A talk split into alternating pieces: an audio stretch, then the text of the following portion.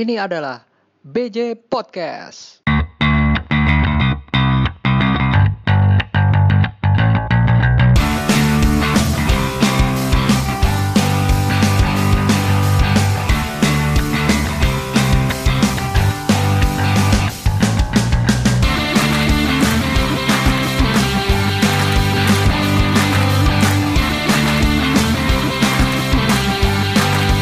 Halo, assalamualaikum warahmatullahi wabarakatuh.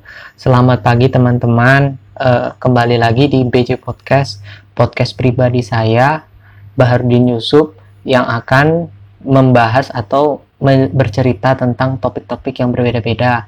Sesuai judul kali ini, saya ingin membahas tentang ego dengan judulnya "Ego Memang Bego" supaya menarik. Lalu uh, podcast ini sebenarnya direkamnya itu harusnya di hari Minggu. Tetapi karena saya ada keperluan di luar jadi tidak bisa direkam hari Minggu. Jadi saya upload Senin ternyata harus saya retake kembali dan hasilnya malah tanggal tanggal 19 November atau hari Selasa ini. Mohon maaf sebelumnya ya teman-teman. Uh, kali ini saya akan mulai podcast ini dengan cerita saya dalam beberapa hari yang lalu mungkin sekitar seminggu atau dua minggu yang lalu ya. Jadi berawal dari saya fokus ke tesis saya. Lalu tesis saya itu saya sedang progres untuk pemberkasan dan perbaikan naskah supaya bisa maju proposal kan. Ternyata alhamdulillah proposal saya sudah ada mulai progres dan udah mulai mulai bisa diajukan untuk pemberkasan proposal. Saya mulai kehilangan fokus ya mungkin ya. Kehilangan fokus di sini dalam arti saya itu lebih tiba-tiba lebih seneng berkumpul gitu loh. Seneng banget ngumpul dengan teman-teman saya yang kebetulan sesama pejuang tesis juga untuk ngerjain gitu. Sebenarnya sih bagus ya. Jadi saya juga termotivasi juga buat terus perbaiki atau membuat progres progres untuk tes saya kan. Dan alhamdulillahnya juga hasil akhir teman-teman yang ada di kelompok saya itu sangat membantu saya buat saya bisa maju sampai uh, apa pemberkasan proposal tesis saya. Uh, oleh karena itu sebentar saya ucapkan terima kasih buat teman-teman saya yang mau nemenin saya untuk bantu progres tesisnya ya.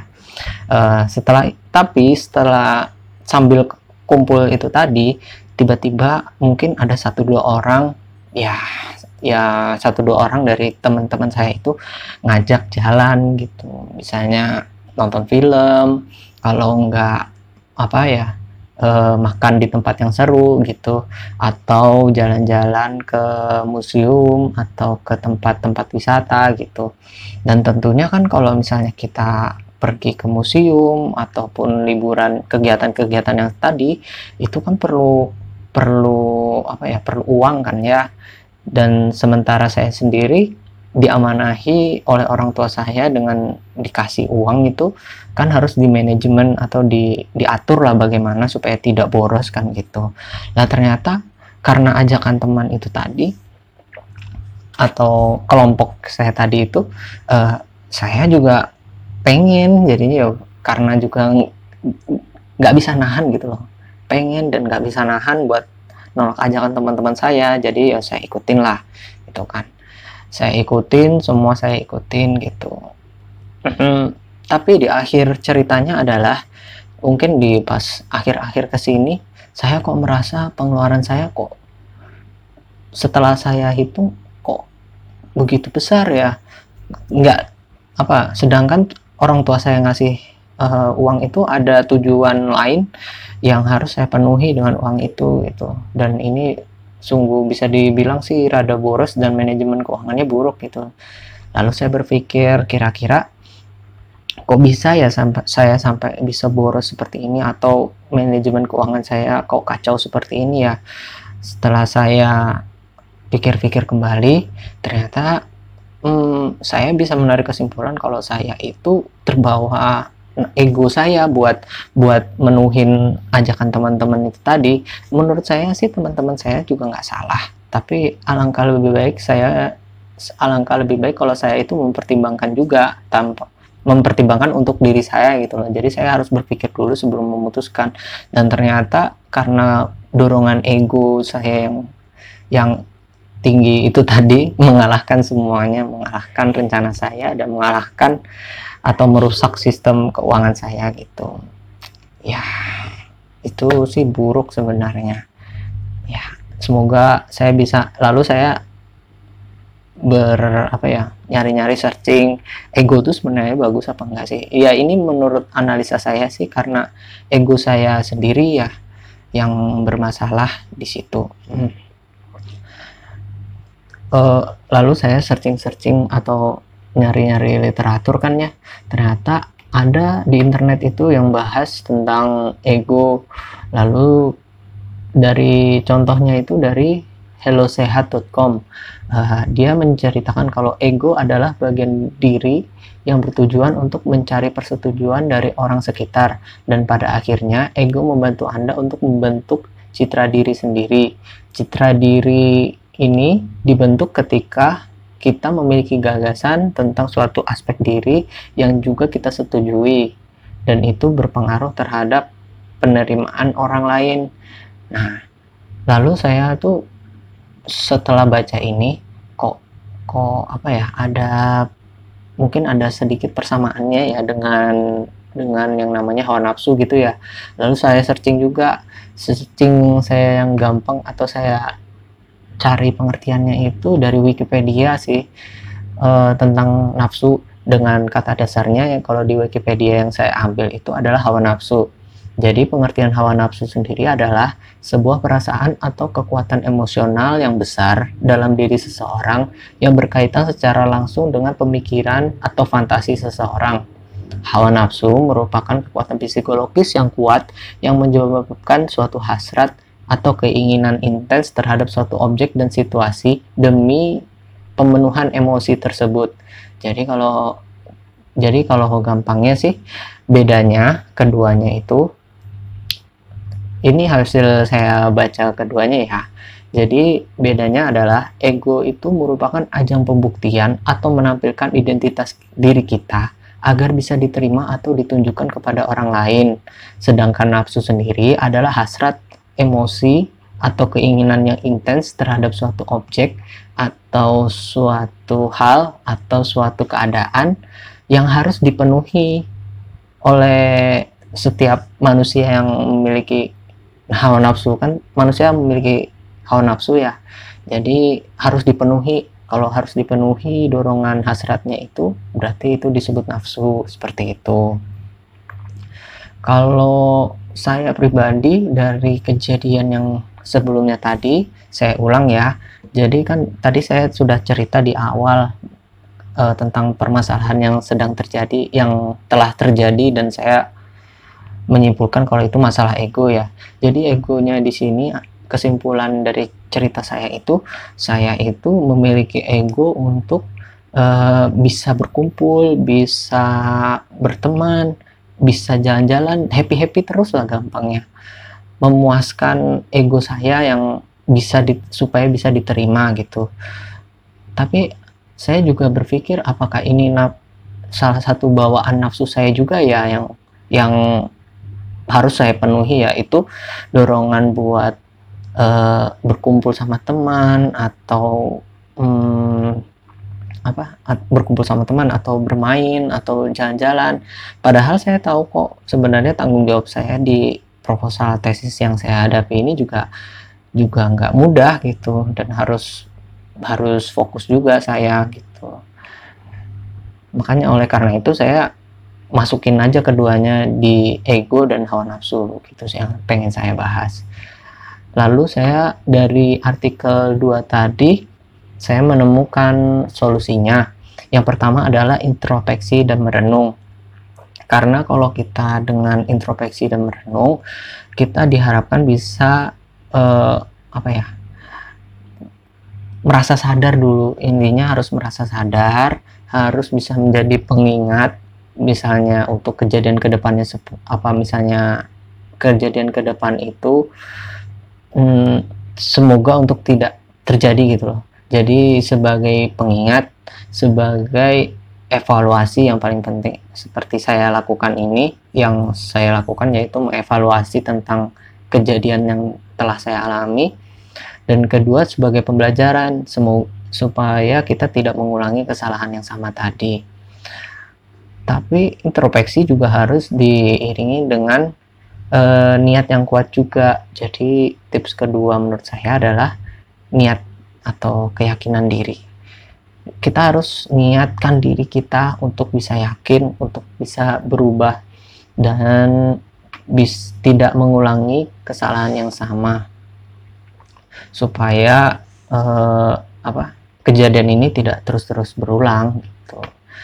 Tips selanjutnya eh, harus karena kita sudah meyakinkan diri ya lalu tips yang selanjutnya adalah kita harus sabar dan selalu uh, apa ya kekeh gitu loh. Karena yang namanya berubah sendiri itu pasti banyak halangan dan masih banyak uh, godaan untuk kembali atau terjerumus ke lubang yang sama. Oleh karena itu kita harus lebih sabar fokus dan lebih tenang dan supaya kita tuh bisa benar-benar berubah. Kalau tidak salah sih ada istilah 69 hari atau 40 hari ya kalau nggak salah. Itu dalam dalam hidup ini. Kalau ingin merubah sesuatu yang buruk menjadi lebih baik jadi kita harus mengulangi apa uh, habit kita atau membangun habit kita atau membangun sesuatu kegiatan yang berdampak positif bagi kita itu selama 41 atau 69 hari. Uh, banyak kok di internet itu cara merubah habit, cara uh, merubah kebiasaan, perilaku, meninggalkan uh, kebiasaan buruk gitu-gitu ada kok. Cari aja di keywordnya di Google, insya Allah dapat. Dan selama 69 sampai 41 hari, tentu itu bukan waktu kalau untuk skala pribadi saya ya 41 hari dan 69 hari itu waktu yang sangat lama itu. Ya karena cobaan atau godaan untuk melakukan hal-hal yang buruk sebelumnya itu pasti akan terulang lagi. Dan itu enggak dalam mungkin dalam hitungannya bukan hitungan hari bukan hitungan jam bahkan bisa dalam hitungan 15 menit kemudian 10 menit kemudian. Ini berhubungan dengan habit tadi ya tentang mengontrol diri kita ya. Kalau dikaitkan dengan konteks egonya sendiri kita tuh harus lebih banyak apa bisa mengendalikan ego kita gitu loh. Dilihat bagian apakah uh, semua keputusan yang kita ambil itu dipengaruhi ego kita atau nafsu kita uh, yang tentunya bisa ke depannya kalau misalnya kita lakukan itu ke depannya bisa berdampak buruk bagi kita bisa kita kehabisan waktu kehilangan kesempatan ataupun uh, bahkan tenaga ya yang jelas gitu. Dan itu sangat merugikan sekali bagi manusia yang ingin produktif gitu. Uh, mungkin yang terakhir itu adalah kita lebih banyak um, mendengarkan nasihat-nasihat sih. Yang paling penting itu sekira supaya kita lebih termotivasi untuk terus maju.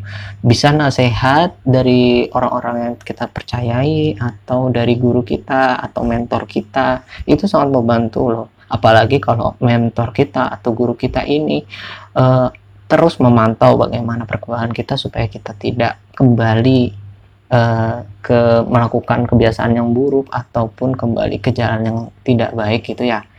Dalam hal mengendalikan ego sendiri berarti kita kalau misalnya punya guru atau mentor beliau juga selalu paling mengingatkan hari ini agenda apa? Kamu harus seperti apa? Kamu harus seperti apa di setiap harinya gitu.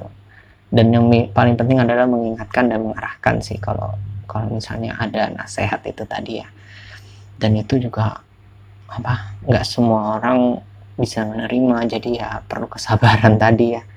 Uh, jadi untuk tahap selanjutnya mungkin kalau dari kejadian tadi saya memetik pelajaran yaitu tadi harus banyak-banyak tetap introspeksi satu.